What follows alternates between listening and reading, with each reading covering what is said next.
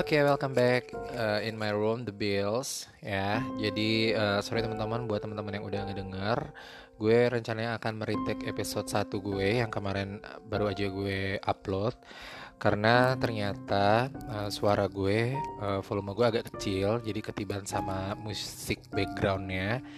Uh, jadi suara gue jadi agak-agak mendem kurang asik. Jadi mungkin ada beberapa uh, penjelasan gue kurang kedengeran maka ini gue retake lagi ada teman gue juga yang udah denger dia bilang ibil suara lo terlalu kecil ketiban sama musiknya gitu jadi gue akan meretake untuk uh, mengulang cerita tentang Who Am I ya. Jadi sebelumnya The Bills. Kenapa nama gue The Bills? Uh, nama gue sebenarnya Billy ya. Itu ada Billnya. Terus kenapa depannya gue pakai The? Karena saat itu menurut gue kayak seru seru aja kalau nama gue depannya tuh ada the gitu dari the bill. Eh kayaknya kurang seru juga kalau nggak ditambahin s di akhirannya. Akhirnya gue tambahin s jadi the bills. Jadi kayak sebuah pembayaran pembayaran apa coba? Mbak mbak mas minta billnya? Yeah. Oke okay. nah yang mau gue retake ini adalah gue se uh, sebelumnya uh, gue menceritakan tentang Who Am I. Jadi ini Who Am I ini ada kayak keanehan atau sesuatu um, mistis yang ada dalam diri gue ya makanya gue kasih nama Who Am I. Nah ini nanti sangat berhubungan banget salah satunya dengan tato yang gue buat. Jadi gue punya tato teman-teman di sebelah tangan kanan gue, tato 0300 kayak jam digital gitu, 0300. Nah banyak banget sebenarnya beberapa teman-teman gue yang udah tahu oh 0300 itu apa, tapi belum pernah gue jelasin secara detail. Jadi saat mereka nanya gue cuman bilang ya 0300 ini uh, setiap jam 3 gue selalu terbangun dan uh, kayak energi atau aura di sekitar gue tuh beda gitu. Jadi gue cuma sebatas ngejelasin itu ke mereka. Kadang ada yang bercanda gitu ah lo ikut ikutin Elo lo Elo tuh kan juga punya tuh tato tapi dia 0420 nah emang Elo punya Uh, kalau Elo itu kalau nggak salah tuh karena dia suka matahari terbit di jam segitu atau kalau nggak salah dia mungkin suka langit atau apa gitu yang kayaknya bagus di jam-jam 0420 gitu. Kalau gue eh, beda. Dan gue nggak ngikut-ngikutin Elo sih. Tapi nggak tahu deh apa Bung Elo uh, yang buat duluan gue nggak tahu. Ini gue buat tatonya tahun 2007 jadi pertama kali gue masuk kuliah. Gue buat tato ini ya di 2007 ya for your information karena kampus gue kampus seni jadi bebas buat tato gitu. Namanya juga kampus seni bebas bebas aja cuy. Nggak ada yang melarang ya nggak? Asik gitu iya jadi kayak gitu. Nah 0300 ya ini gue langsung mulai aja. Jadi sebenarnya dulu kalau nggak salah itu berawal saat gue kelas 2 SMP sekolah gue lagi mengadakan study tour ke Jogja Nah, uh, hari pertama sih sebenarnya nggak nggak nggak terjadi apa-apa biasa aja. Nah, pas hari kedua, gue juga nggak tahu karena sebelumnya dari pagi, siang, sore atau gue sempat nginjek sesuatu atau gue sempat ngomong apa atau gue ngapa-ngapain, gue juga lupa. Tapi seingat gue kayaknya eh, nggak uh, ada kejadian-kejadian aneh deh uh, selama berstudy tour di hari kedua dari pagi sampai sore sampai akhirnya pulang ke hotel itu nggak ada apa-apa jadi ini pas gue lagi tidur sama uh, teman-teman gue uh, nah ini gue memang sebelumnya sempat uh, sempat terbangun gitu sempat bangun sempat ngelihat jam ya itu emang masih sekitar jam-jam duaan lah ya masih sekitar jam-jam duaan. Oke terus abis itu gue tidur lagi. Nah gue nggak terlalu begitu jelas apakah memang itu di jam 3 kemudian atau masih kurang dari jam 3 tapi yang pasti gak lama gue tidur teko-teko-tek uh, gue kebangun. Kayak kayak ada sesuatu yang ngebangunin gue tapi kayak bukan suara bukan sentuhan. Tapi ini kayak kayak apa ya kayak kayak energi atau kayak udara gitu kayak berbentuk apa kayak bu, bukannya berbentuk udara kan nggak nggak berbentuk ya. Jadi kayak kayak udara atau energi apa sesuatu itu yang membangunkan gue dan gue akhirnya terbangun ya. Gue akhirnya kebangun dan gue ngelihat sekeliling gue itu benar-benar gelap pekat banget. Emang sebenarnya lampu tidur di kamar itu gue sama teman-teman gue gue matiin ya. Karena emang kita kebetulan semuanya pada nggak suka tidurnya itu terang-terang. Jadi kita mati lampu tapi ini bukan karena uh, kamarnya dimatiin lampunya tapi emang nih bener-bener nggak ada cahaya sedikit pun ini gelap pekat dan di situ gue ngelihat uh, oh nggak nggak ini belum belum ngelihat tapi kayak ada beberapa pergerakan bentuknya seperti apa gue nggak tahu. Jadi kayak ada orang jalan dari pintu ke sana terus ada yang duduk terus kayaknya kayak ada beberapa orang tuh ngeliat ke gue terus ada yang kayak lagi berdiri deket teman gue.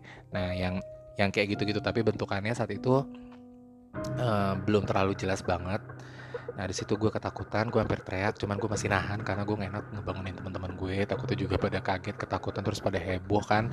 Nanti pada bangunin yang lain, wah gila geger banget. Jadi gue tahan sampai gue uh, doa dalam hati gitu ya, karena gue ya Kristen gue doa bapak kami gitu dalam hati. Gue coba untuk uh, tenang tenang gitu sambil gue terus doa, terus gue paksakan untuk tidur.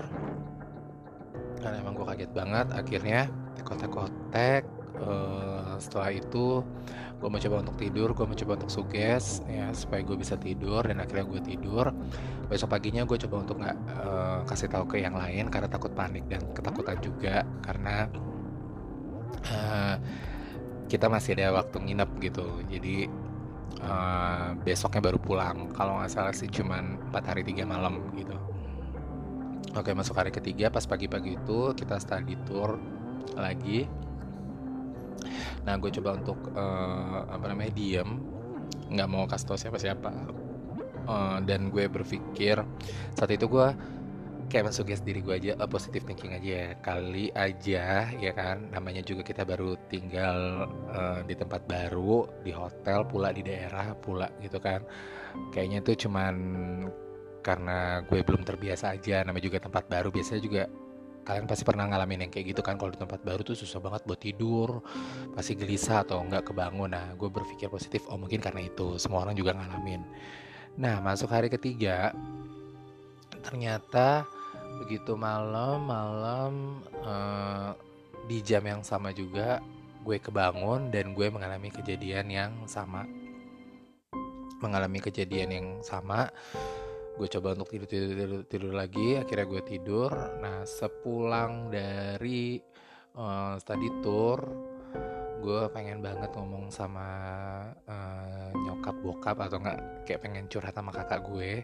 Cuman ah, enggak lah takutnya juga mereka nggak percaya atau mereka juga bilangnya udahlah mungkin karena tempat baru atau udah tuh lagi ini aja kali lagi halu atau lagi apa ya. Jadi ya udahlah gue tahanin tuh untuk nggak ngomong sama keluarga gue. Nah, terus uh, selang beberapa bulan ya kalau nggak salah atau beberapa minggu gue lupa.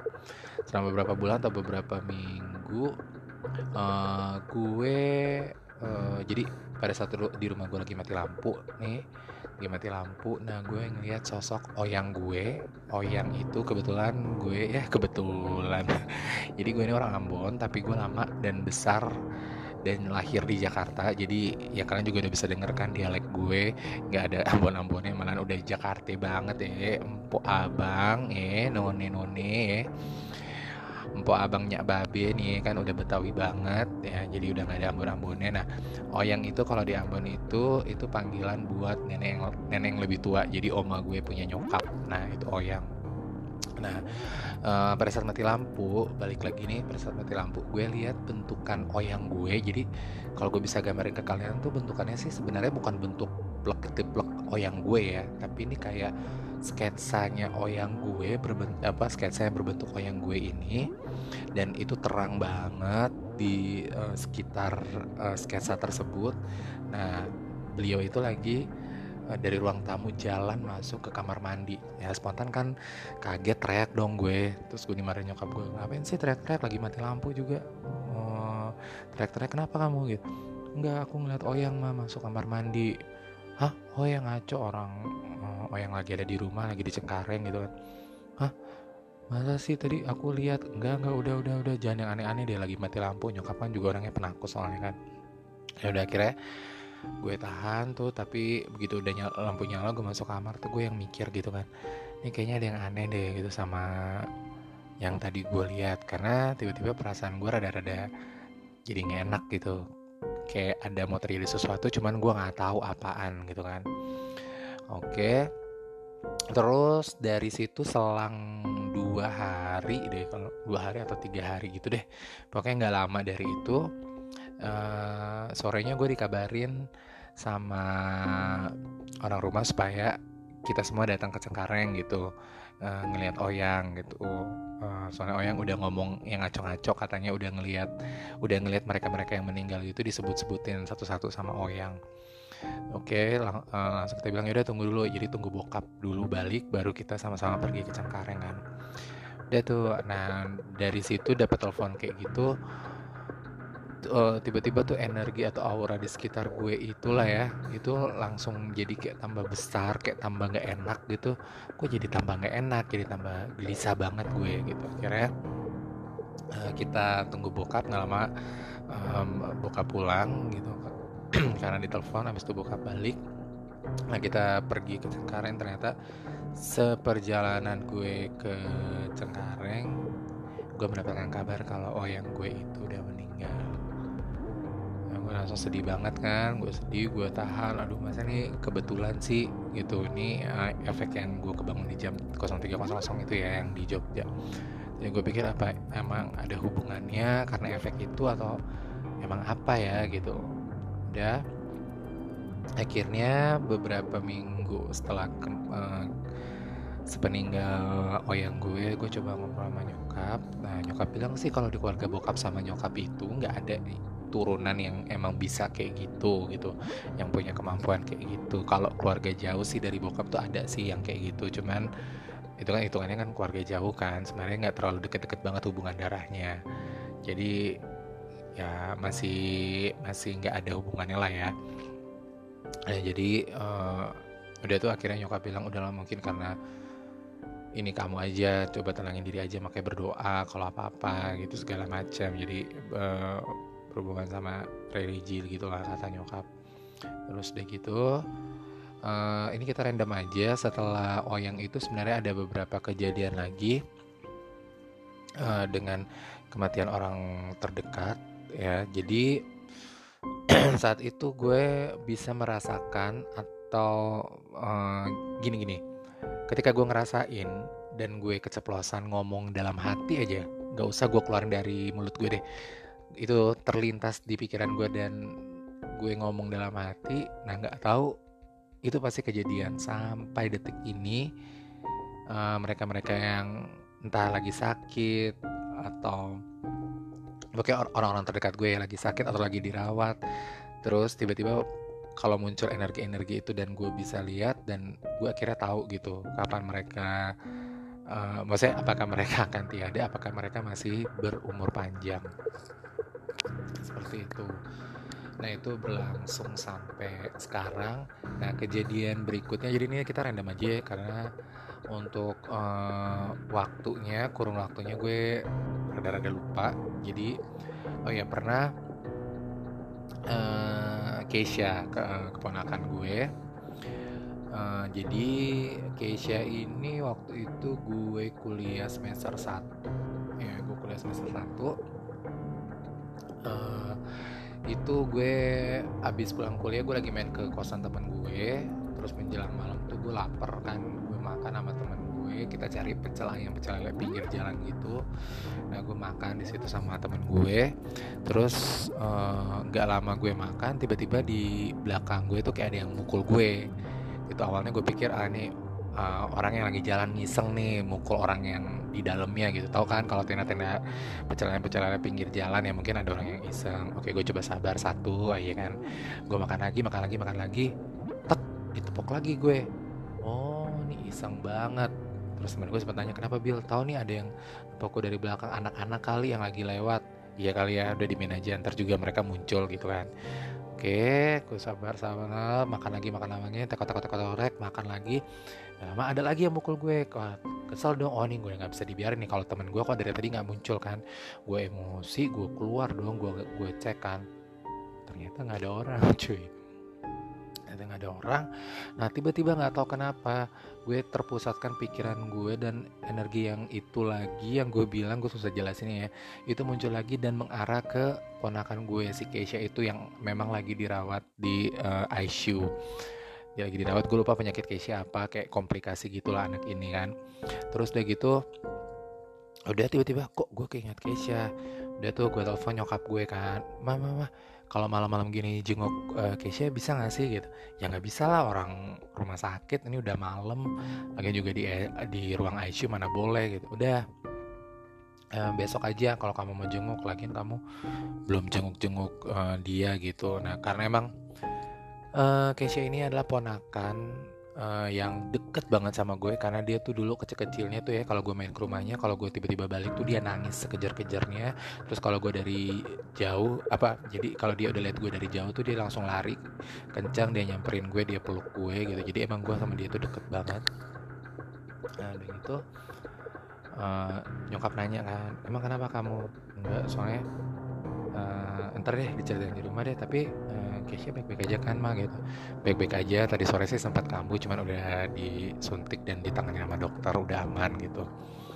Ya udah akhirnya ya udah deh besok deh uh, aku jenguk kenapa kamu? gitu. Nyokap udah mulai kayak aneh gitu kan kayak kayak tahu nih kayaknya ada sesuatu gitu. Ya ntar aja deh diceritain di rumah. Udah akhirnya balik gue ke rumah gue ceritain ke nyokap kalau tadi gue lagi makan digangguin dan kayaknya itu Keisha gitu feeling feeling gue tuh kayak Keisha. Ya udah besoknya gue ke kampus segala segala macam dan pada saat gue lagi ada kelas gue mendapatkan kabar kalau oh, Keisha ini udah meninggal. Terus gue yang ada ada ada apa sih sama sama diri gue gitu? Kok uh, gue selalu mendapatkan hal-hal tersebut gitu? Yang aduh sebenarnya gue nah makanya gue sebenarnya dari dulu malas banget kalau ngejenguk saudara-saudara gue yang lagi sakit sebenarnya. Karena gue takut uh, kelihatan yang kayak gitu-gitu dan takut nggak sengaja gue keucap atau apalah gitu. Terus pernah kejadian lagi saat tuh nah kalau yang ini kali ini nih agak-agak tingkat yang agak tinggi sih. Tingkat tingginya karena gini jadi ada om gue jadi sepupu nyokap lah hitungannya ya om om gue juga dia dirawat juga di rumah sakit. Di ruang ICU juga dia lagi dirawat terus uh, sore-sore tuh gue datang gitu kan sama nyokap sama kakak gue buat uh, ngejenguk. Terus nggak lama uh, nyokap ketinggalan sesuatu atau oh nggak nggak rencananya kita mau niat balik lagi uh, malamnya jadi kita mendingan pulang dulu karena kita ngelihat terakhir kondisinya ya udahlah uh, masih sta uh, masih stabil walaupun nggak uh, tidak menyadarkan diri. Jadi uh, om gue itu kondisinya ya kondisi tidur gitu merem tapi menurut nyokap masih aman-aman aja. Jadi rencananya itu kita mau balik lagi malamnya mau ngelihat lagi atau ya kalau nggak salah gitu mau mau balik ngeliat lagi gitu akhirnya uh, gue nyokap gue sama kakak gue pamitan balik. Oke kita balik uh, pas keluar rumah sakit. Jadi pas uh, gue nyokap gue sama kakak gue keluar pintu rumah sakit tiba-tiba ada suara di belakang gue yang ngomong jangan balik ini bentar lagi om kamu udah nggak ada pas maghrib. Tek. langsung diem dong gue. Anjir kenapa lagi? Gue diam gue bengong terus nyokap sama kakak gue nanya kenapa kamu? Kenapa mah sih kayaknya kita jangan balik deh. Soalnya Malik kayaknya pas maghrib udah nggak ada gitu. Ah ngaco kamu tau dari mana? Nggak udah ayo ayo. Soalnya tadi ada yang ada yang bilangin kayak kita balik lagi. Udah balik lagi tuh gue nyokap gue sama kakak gue ke dalam ke ruang ICU dan jam 6 kurang gitu jam 6 kurang 10 tuh om gue tiba-tiba keadaannya sekarat gitu dia kambuh semua sus eh, suster dokter masuk ke dalam nanganin cepet-cepet terus nggak lama uh, salah satu dokter tuh keluar ngomong sama uh, tante gue gimana kalau uh, kita ikhlaskan aja alat-alat dilepas dan kayaknya emang udah susah gitu. Wah langsung sontak semuanya nangis masuk ke dalam berdoa sama-sama alat dilepas dan bener aja teng. Jam 6 teng tuh pas maghrib om gue udah nggak ada. Nah ke sini sininya itu tambah jelas ya tapi dengan uh, ada satu alasan yang nanti gue akan cerita di episode kedua yang kenapa hal itu bisa menjadi jelas. Dan di episode kedua nanti ya gue akan melanjutkan Who Am I Part 2 dan menjelaskan ada beberapa orang yang udah gue datengin dan gue tanyakan sebenarnya ada apa dalam diri gue dan ada beberapa yang kalau gue gabungin ada yang sama ada yang beda gitu. Jadi intinya gue belum uh, gue sendiri sampai detik ini masih belum puas belum bisa mendapatkan seseorang yang bisa ngelotok banget sampai ke akar-akar menjelaskan semua semuanya dan siapa-siapa aja dan dari mana saja mereka dan kenapa gue bisa kayak gitu gue belum dapetin. Rencana itu dalam beberapa bulan ke depan ini gue bakal pergi ke Riau. Kebetulan ada temen gue yang um, jadi bapak kosannya itu ya katanya uh, dia punya tiga anak jin. Wah ini seru banget. Tapi nanti gue ceritain pas episode kedua. Tapi yang pasti thank you banget buat teman-teman yang udah ngedengerin The Bills Room yang udah ngedengerin uh, podcast gue Who Am I part 1 jadi nantikan nanti episode kedua Who Am I part 2 kelanjutan dari cerita ini yang akan membuat kalian tercengang. Anjir serius itu yang ada dalam diri lo Bill gue juga nggak percaya cuy. Maksudnya ya percaya nggak percaya anjir serius tuh sosok yang ada dalam diri gue. Nah nanti akan gue buka di podcast kedua gue eh apa episode kedua gue yang masih akan lebih seru. Eh, stay tune terus di podcast gue ada Bills jangan lupa untuk share ya supaya banyak banyak banget yang dengerin gue. Semoga ini juga bermanfaat buat kalian. Mungkin bagi kalian yang mengalami hal yang sama atau mempunyai keanehan dalam tanda kutip seperti uh, diri gue mungkin kalian bisa komen kalian bisa kabarin gue kita bisa ketemuan kita bisa saling share. Siapa tahu kita bisa saling ngebuka dalam tanda kutip satu dengan yang lain gitu ya kan sama-sama saling bisa lihat bisa tahu kan seru juga tuh oke okay, thank you banget yang telah gabung untuk ngedengerin uh, uh, podcast gue The Bills. See you on the second episode Who Am I Part 2. Dadah.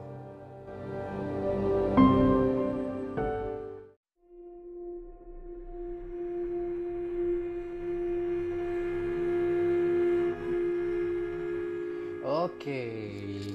welcome back di The Bills episode 2 Gue langsung terbitin. Langsung gue upload. Hah, keburu gue lupa karena sebenarnya uh, hari ini gue udah seharusnya nge-upload episode kedua tapi berhubung yang gue bilang sebelumnya sempat retake karena suara gue kecil di episode 1 jadi gue ngulang lagi dong ya kan? Nah gue akan melanjutkan episode kedua ini Who Am I Part 2 yang terakhir kan gue tadi uh, bakal ngejelasin atau memberitahu ke kalian ada beberapa orang yang udah ngeliat dalam diri gue kita dari yang uh, simple dulu ya. Jadi um, gue punya uh, teman-teman geng nih ya kan. Dulu di waktu gue masih ngekos di daerah hutan kayu. Jadi ada beberapa teman gue. Kita sempat tuh kayak saling uh, koreksi lah untuk uh, persahabatan kita ke depannya untuk membangun satu sama lain. Jadi kita kayak, uh, kayak kasih koreksi terus masukan-masukan masing-masing nih uh, tiap uh, person ini gimana sih uh, tingkahnya atau apanya yang harus diperbaiki atau apa-apanya lah segala macem. Nah pertama ini berawal dari teman-teman gue dulu. Jadi ada teman gue yang tiba tiba-tiba uh, ngomong kalau Bill, hmm, gue nggak tahu kenapa kalau uh, lu itu kayak seseorang pembawa mood gitu. Gue nggak tahu ada apa dalam diri lo atau ada sesuatu apa atau lo emang orang yang seperti itu. Jadi kalau mood lo bagus itu pasti semua orang yang ada di sekitar lo tuh kebawa seneng kebawa happy. Tapi kalau misalnya mood lo lagi nggak bagus misalnya tiba-tiba jutek tiba-tiba diem nah itu nggak tahu tuh semuanya keikut lah. Jadi suasana uh, di sekitar gue atau teman-teman gue tuh akhirnya kebawa sama gue gitu. Jadi juga pada ngikut-ngikut uh, bete juga akhirnya suasana juga jadi nggak bagus. Terus gue saat itu pas dibilang kayak gitu ah oh, masa sih? Gitu. Iya mungkin tanpa lo sadari kata teman gue. Tapi yang gue rasa ini kalau buat lo gitu ya itu lo kayak pembawa mood gitu. Lo tuh eh, kalau mood lo lagi bagus tuh kelihatan banget dan kita pasti happy happy banget kalau ada di samping lo. Tapi kalau mood lagi nggak bagus tuh wah nggak enak banget deh. Lo rawat muka lo udah pasti nggak enak. Jadi uh, suasananya jadi istilahnya jadi nggak seru lah gitu. Oh, oke oke. Nah saat itu sih gue pas udahannya pas gue balik ke kamar tuh gue mikir hmm, apa mungkin karena uh, Virgo kayak gitu ya? Gitu. Nah jadi gue sempat mengkait-kaitkan sama bintang gue. Kebetulan bintang gue Virgo. Nah rata-rata sih teman-teman gue yang Virgo kalau gue nanya apalagi yang lahirnya sama kayak gue di bulan Agustus yang tanggal lahirnya juga nggak jauh-jauh beda sama gue. Rata-rata emang mereka-mereka yang Virgo juga juga gitu sih gitu. Jadi maksudnya kalau oh, moodnya lagi nggak bagus ya itu kelihatan banget gitu sama orang-orang di sekitar gitu. Terus kalau moodnya lagi bagus ya kelihatan juga dan ya happy happy juga orang-orang di sekitar. Jadi saat itu yang dibilang sama teman gue gue masih yang uh, mengkaitkan dengan uh, zodiak ya norak banget ya hari ini masih percaya. Tapi sih percaya atau nggak percaya dan maksudnya gue tuh sebenarnya juga uh, orang yang agak percaya percaya sih sama zodiak gitu. Karena beberapa kalau gue share dengan teman-teman gue sama Virgo atau gue lihat karakteristik Virgo ya emang emang gue Virgo banget gitu jadi mungkin segala sesuatu hal itu nggak bisa gue sembunyiin dari ekspresi wajah gue jadi emang gue kelihatan banget kalau lagi nggak suka lagi benci lagi apa tuh kelihatan banget dan pasti langsung kebawa dengan mood gue. Tapi kalau suasana gue juga lagi happy dan itu ya udah gue happy happy aja dan pasti orang-orang sekitar gue juga ya fine fine aja senang senang aja kayak gitu. Nah itu pertama tuh ya. Ada teman gue menyadari itu tapi gue sekali lagi gue masih mengkaitkannya dengan bintang gue dengan Virgo Oke, terus gue uh, kebetulan gue uh, kerjanya sebagai uh, pekerja seni uh, teater dan film. Nah saat gue lagi di film, lagi syuting, ada salah satu talent gue yang uh, dia bisa mempunyai kemampuan seperti itu. Terus gue waktu itu lagi iseng-iseng, coba lo uh, lihat gue, di gue ada ada yang kayak gitu nggak gitu. Terus uh, gue antara kaget dan ya saat itu karena ke bawah fun gitu ya. Maksudnya ya lagi fun-fun aja lagi lucu-lucuan buat ngebaca ngebaca kayak gitu kan.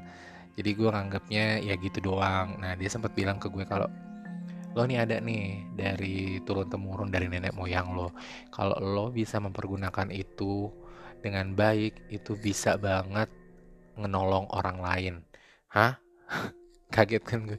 Uh, maksudnya ya pokoknya kemampuan itu atau bawaan lo ini dari nenek moyang ini itu bisa ngenolong orang lain. Oh gitu. Apa sih? Emang ada? Uh, gue ngelihatnya masih ngeblur-ngeblur kata dia gitu. Jadi bentukannya tuh kalau kata dia saat itu belum terlalu jelas dia ngelihatnya tapi itu dia bilang ada gitu kan. Gue langsung ah serius? Masa sih ada? gitu. Dah tuh. Oke. Itu kedua terus uh, gue nggak pernah lagi sih uh, itu uh, nanya-nanya atau datang ke mana gitu. Nah kebetulan uh, setahun apa dua tahun yang lalu gitu ya gue juga lagi pegang uh, salah satu film layar lebar dan kebetulan itu lokasi syutingnya di Tasik. Jadi gue berangkat uh, untuk cari pemain. Jadi gue uh, kerja sebagai casting director dan talent koordinator di film Nah jadi gue eh, cari pemain nih ceritanya gue ke Tasik. Nah kebetulan di Tasik itu uh, gue teringat ada uh, senior gue dan teman deket gue. Jadi dia tuh kalau di kampus uh, senior beda dua tingkat lah. Jadi dia dua tingkat di atas gue. Tapi kalau dari segi umur sebenarnya kita sama gitu karena uh, lulusannya tuh sama. Uh, gue dulunya kan sebelum kuliah seni itu gue sempat kuliah di tempat lain ngambil jurusan yang beda jadi gue pas masuk kampus seni itu gue uh, telat gitu. Jadi nih orang inisialnya Y. Si Y ini uh, senior gue jadi hitungannya. Nah kita tuh kebetulan teman dekat. Nah dia tuh tinggal di Tasik. Jadi saat itu uh, dia main-main tuh ke hotel gue. Will lagi jalan film ini ya? Mau dong gue casting casting segala macam segala macam. Nah terus gue teringat kan anjrit nih mumpung gue lagi di Tasik dan kalau nggak salah tuh dia pernah bilang dia punya paman yang kiai gitu. Wah coba deh gue uh, mumpung di sini ya iseng-iseng gitu kali aja uh, pamannya itu bisa ngebantu gue akhirnya gue ngomong tuh ke Yamin gue curhat gitu gue cerita tentang keanehan yang gue milikin ini. Terus akhirnya dia dia bersedia ngebantu gue tapi dia bilang uh, tapi uh, tetap percaya sama Tuhan lu ya Bill gitu jangan terlalu percaya gitu segala macam iya gue uh, justru kepengen datangnya ke orang-orang yang istilahnya yang emang religi dari golongan putih yang emang kayak kiai, pak haji, pendeta gitu. Nah sebenarnya teman-teman sebelumnya gue pernah nanya ke salah satu pendeta, tapi um, anehnya uh, pendeta ini hanya diem dan senyum dan katanya nggak mau ngomong sesuatu. Nah gue jadi penasaran sebenarnya saat itu apa yang yang dia lihat dalam diri gue, tapi saat itu dia cuma senyum dan dan nggak mau ngomong apa-apa Oke balik lagi uh, eh, kotak-kotak ya ke teman gue ini. Akhirnya uh, besoknya begitu gue udah udah ngelarin kerjaan gue, gue izin sama teman gue satu tim gue itu gue izin gue pergi sama teman gue ini untuk ke tempat pamannya ke pesantren pamannya. Jadi pamannya ini uh, kiai dan punya pesantren di daerah Tasik. Akhirnya gue pergi ke sana. Uh, akhirnya ketemu nih sama pamannya dia jelasin uh, uh, teman aku nih si Billy ini punya uh, apa permasalahan tentang spiritual ada kanen-kanen bla bla bla pokoknya diceritain semua terus dia minta yaudah Bill lo cer lo ceritain juga aja. Akhirnya gue ceritain tuh dari awal segala macam segala macem. Um, sepanjang ngomong sih keanehan yang gue lihat dari pakai ini dia nggak fokus banget ngobrol sama gue uh, tatapan matanya ke mana-mana. Lebih tepatnya tuh dia kayak cuman ngeliat ke kanan ke kiri. Jadi dia kayak ngeliat ke samping kanan kiri gue. Gue nggak tahu apa yang dia lihat. Terus nggak lama dia cuman bilang uh, kalau kamu berpikiran positif itu yang bakal terjadi. Kalau kamu berpikiran negatif ya itu juga yang bakal terjadi gitu. Oke gue tenang gue diam uh, nah kira-kira ada nggak pak yang yang ada dalam diri saya. Dia diam dia nggak ngomong terus nggak lama dia bilang e, yaudah uh, kamu mau nggak uh, mandi? Bentar saya siapin uh, air kamu mandi nanti saya sediain anduk. Pakai baju ini lagi pakai baju ini lagi juga nggak apa-apa gitu. Udah akhirnya gue uh, mandi tuh gue ikutin gue mandi gue mandi uh, terus dia terakhir kasih gue uh, botol aqua yang katanya dia udah isi doa doa gue disuruh minum segala macam ya udah akhirnya gue pamitan terus panjang jalan gue ngomong sama teman gue ini eh gue belum belum puas banget nih kayaknya feeling gue ada sesuatu yang disembunyiin sama paman lo. Tapi paman lo nggak mau ngomong. Ya ya udahlah Bill gue juga eh, nggak uh, enak gue maksa uh, paman gue tapi kayaknya iya deh.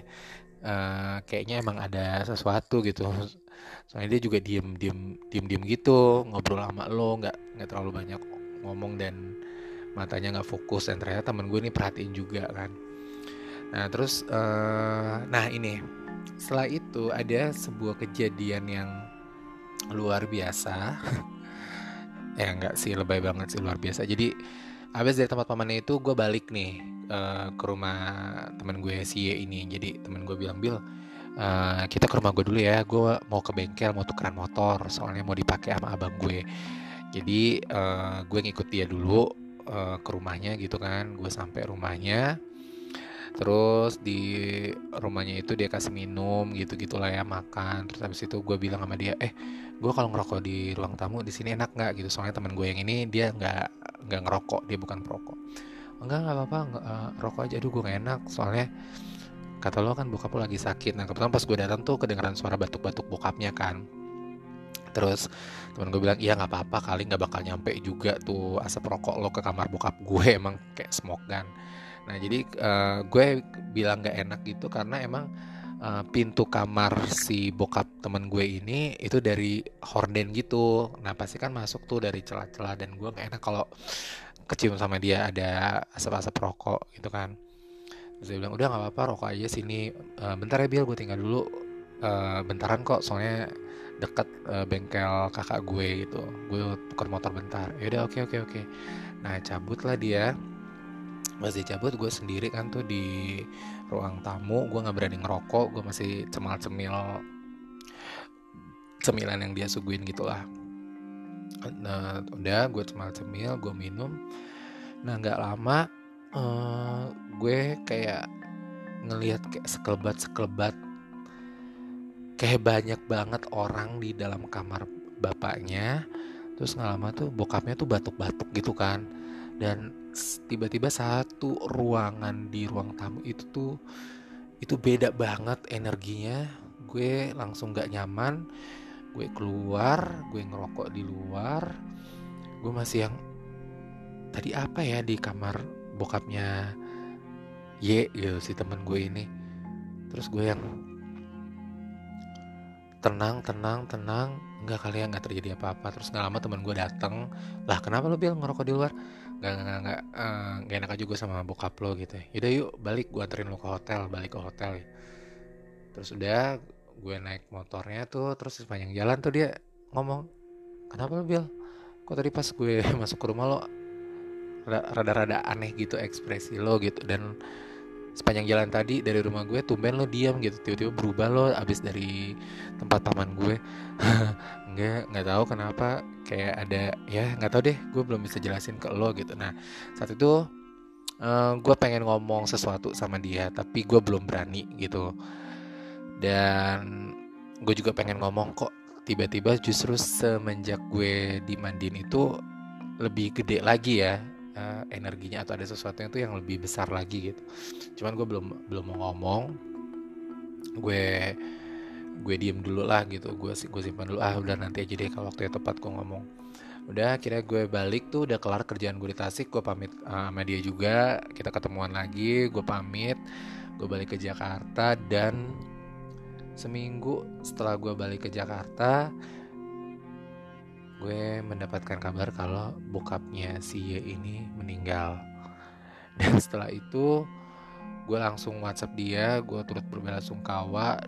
Terus selang beberapa hari setelah bokapnya udah meninggal uh, eh enggak sih enggak selang beberapa hari lah cukup lama uh, sebulanan kalau nggak salah itu gue baru WhatsApp dia akhirnya gue ngomong sebenarnya saat itu gue kayak udah punya firasat kayak udah tahu segala macam dan gue jelasin ke dia uh, efek yang dari gue mandi itu kenapa tiba-tiba justru jadi besar gitu.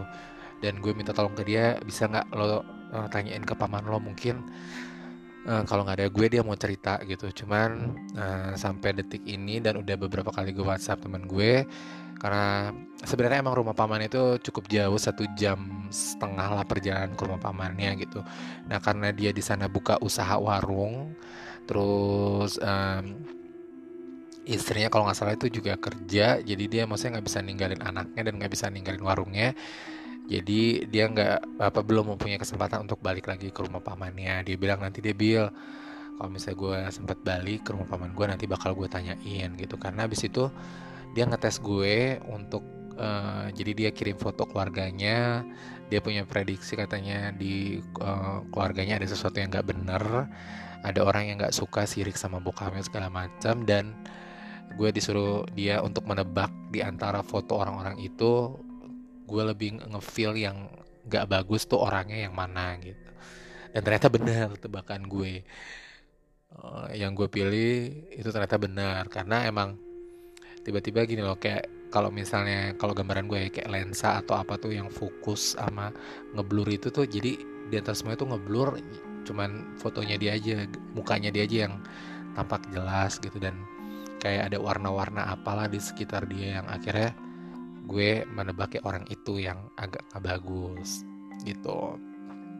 Nah itu yang ketiga nih dari uh, teman gue si Y ini pamannya. Kalau yang ketiga ini dia belum cukup menjelaskan, tapi uh, gue ngambil positifnya mungkin benar, ya. Uh, walaupun gue sempat berpikir ya iyalah kalau kita berpikiran positif, positif yang terjadi kalau kita negatif ya sama aja kayak suges kan, mensuges diri sendiri. Tapi menurut gue itu ada ada benernya karena emang selama ini setelah gue inget-inget ya kalau gue keceplosan ngomong kayak nggak ada atau gue ngomong apa tuh ya emang selalu kejadian gitu oh berarti emang gue sekarang harus menjaga mulut gue dan harus mengontrol. Kalau nggak ya gue harus menghindari datang ke tempat-tempat itu gitu ke tempat maksudnya kalau ke tempat orang atau siapa yang lagi sakit kayaknya gue jangan datengin deh gitu takutnya nanti muncul atau apa gue tahu segala macam nah udah itu dari temen gue yang Y.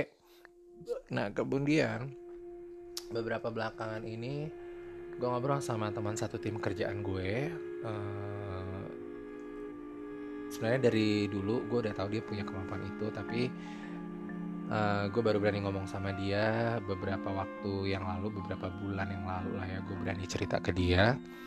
Gue ngomong ke dia karena gue dengar-dengar juga dia punya kemampuan kayak gitu kan. Nah dia juga bilang ternyata dia pengen ngomong lama sama gue. Jadi dia ngeliat ya katanya di gue ini ada kayak uh, nenek moyang gitu dari turun temurun yang ikut sama gue. Tapi ada satu orang ini itu dia yang membuat uh, emosional gue yang nggak bisa terkontrol sama ucapan-ucapan gue itu dari orang yang satu ini gitu dari sosok yang satu ini yang saat itu pada saat teman gue baca tuh teman gue diliatin sampai muka dia pucat banget. Dia bilang Bill yang satu ini lagi marah gara-gara gue ngejelasin semua ngebuka semua ke lo gitu.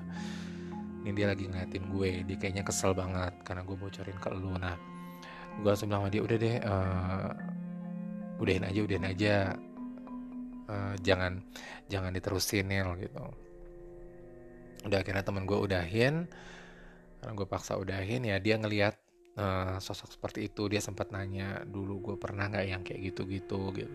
Ya dulu sih gue sempat ya teman-teman yang kayak gitu-gitu tapi itu baru sekali gitu. Dan itu juga berawal dari gue iseng-iseng doang sih yang pengen emang maksudnya gini gue pengen tahu gitu bener gak sih yang kayak gitu-gitu?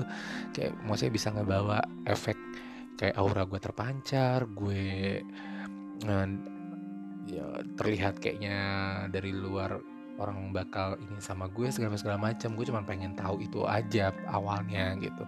Tapi saat itu sih teman gue uh, belum bisa memastikan sih itu dari mana gitu. Tapi uh, yang pasti ada satu sosok ini yang yang emang beda. Jadi bukan dari turun bukan dari turun temurun. Nah udah itu dari dia Terus nggak lama setelah itu gue berkesempatan untuk pergi ke Malang. Jadi ada om gue eh, punya istri orang Malang dan dia uh, jadi tante gue ini emang orang Malang dan dia itu punya paman yang bisa kayak gitu juga dan pada saat dia balik akhirnya gue minta dia yaudah gue mau ikut. Akhirnya gue mau nyokap gue maka, uh, sama adik gue pergi ke sana. Uh, kita pergi ke Malang datang ke rumahnya tuh pas malam-malam Uh, kalau versinya yang ini dia nggak bisa menjawab. Dia cuman bilang udah terus aja berdoa gitu percaya sama Tuhan cuman yang kayak gitu-gitu. Tapi ada satu keanehan yang gue tangkap dari uh, pamannya ini. Pamannya tante gue kalau sepanjang gue ngomong dia sempat lihat-lihat ke arah atas Nah, gue nggak tahu deh apa yang dia lihat. Kalau yang tadi pamannya temen gue yang Y itu ngelihat kanan kiri, kalau pamannya tante gue ini itu ngeliat ke atas. Sempat beberapa kali tuh ngeliat di kayak di atas gue gitu. Gue nggak tahu apa yang dia lihat.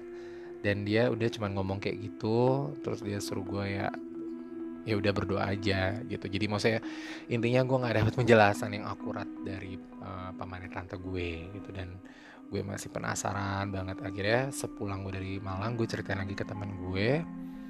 Nah begitu gue ceritain ke teman gue ternyata ada perkembangan lagi yang dia lihat sama gue.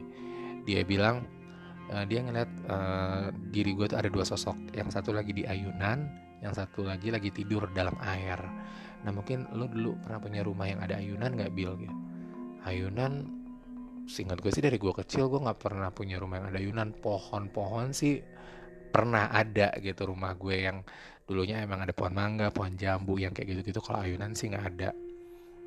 Nah ini tapi ada air nih biar air air. Nah terus dia lihat lagi dia kayak dia terawang gitu. Tapi gak lama dia lihat sosok ular di sosok gue yang lagi tidur ini dalam air. sosok ular sosok ular dan ini yang bikin gue shock teman-teman dan terakhir dia bilang nyiblorong bil. Nyiblorong ya nih lu ada hubungannya nih sama nyiblorong oh gue sumpah gue antara shock merinding terus sama yang gue sempet sempet yang agak-agak aneh gitu maksud gue. Hah? apa hubungannya gitu gue? Karena gue kayak iseng-iseng kayak gitu-gitu ke pantai selatan atau apa tuh gue nggak pernah yang kayak gitu-gitu kan. Maksudnya sampai yang ke tahap-tahap gitu enggak lah ya gue. Ah masa sih? gitu. Terus gue langsung diem tuh gue langsung tenang. Gue langsung yang ah masa sih nih ada yang kayak gitu. Nah gue masih tuh uh, sampai sekarang gue masih gue masih mengkip itu gitu kan. Nah, jadi dari beberapa orang yang ngelihat ini yang sama itu adalah kalau memang uh, katanya ada turun temurun yang ngejagain gue nenek moyang gue. Nah, kalau sosok yang satu lagi baru temen gue ini, yang temen kantor gue ini yang baru uh, kasih tau ke gue. Uh, selebihnya beda-beda uh, penjelasannya.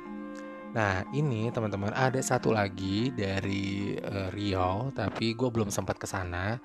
Jadi teman dekat gue itu punya bapak kosan yang uh, teman gue pernah cerita kalau bapak kosannya itu uh, itu punya tiga anak jin religi gitu deh dari Mekah dan dari Mesir. Jadi tiga orang anaknya ini tuh dulu dikasih nama siapa gitu gue lupa gitu.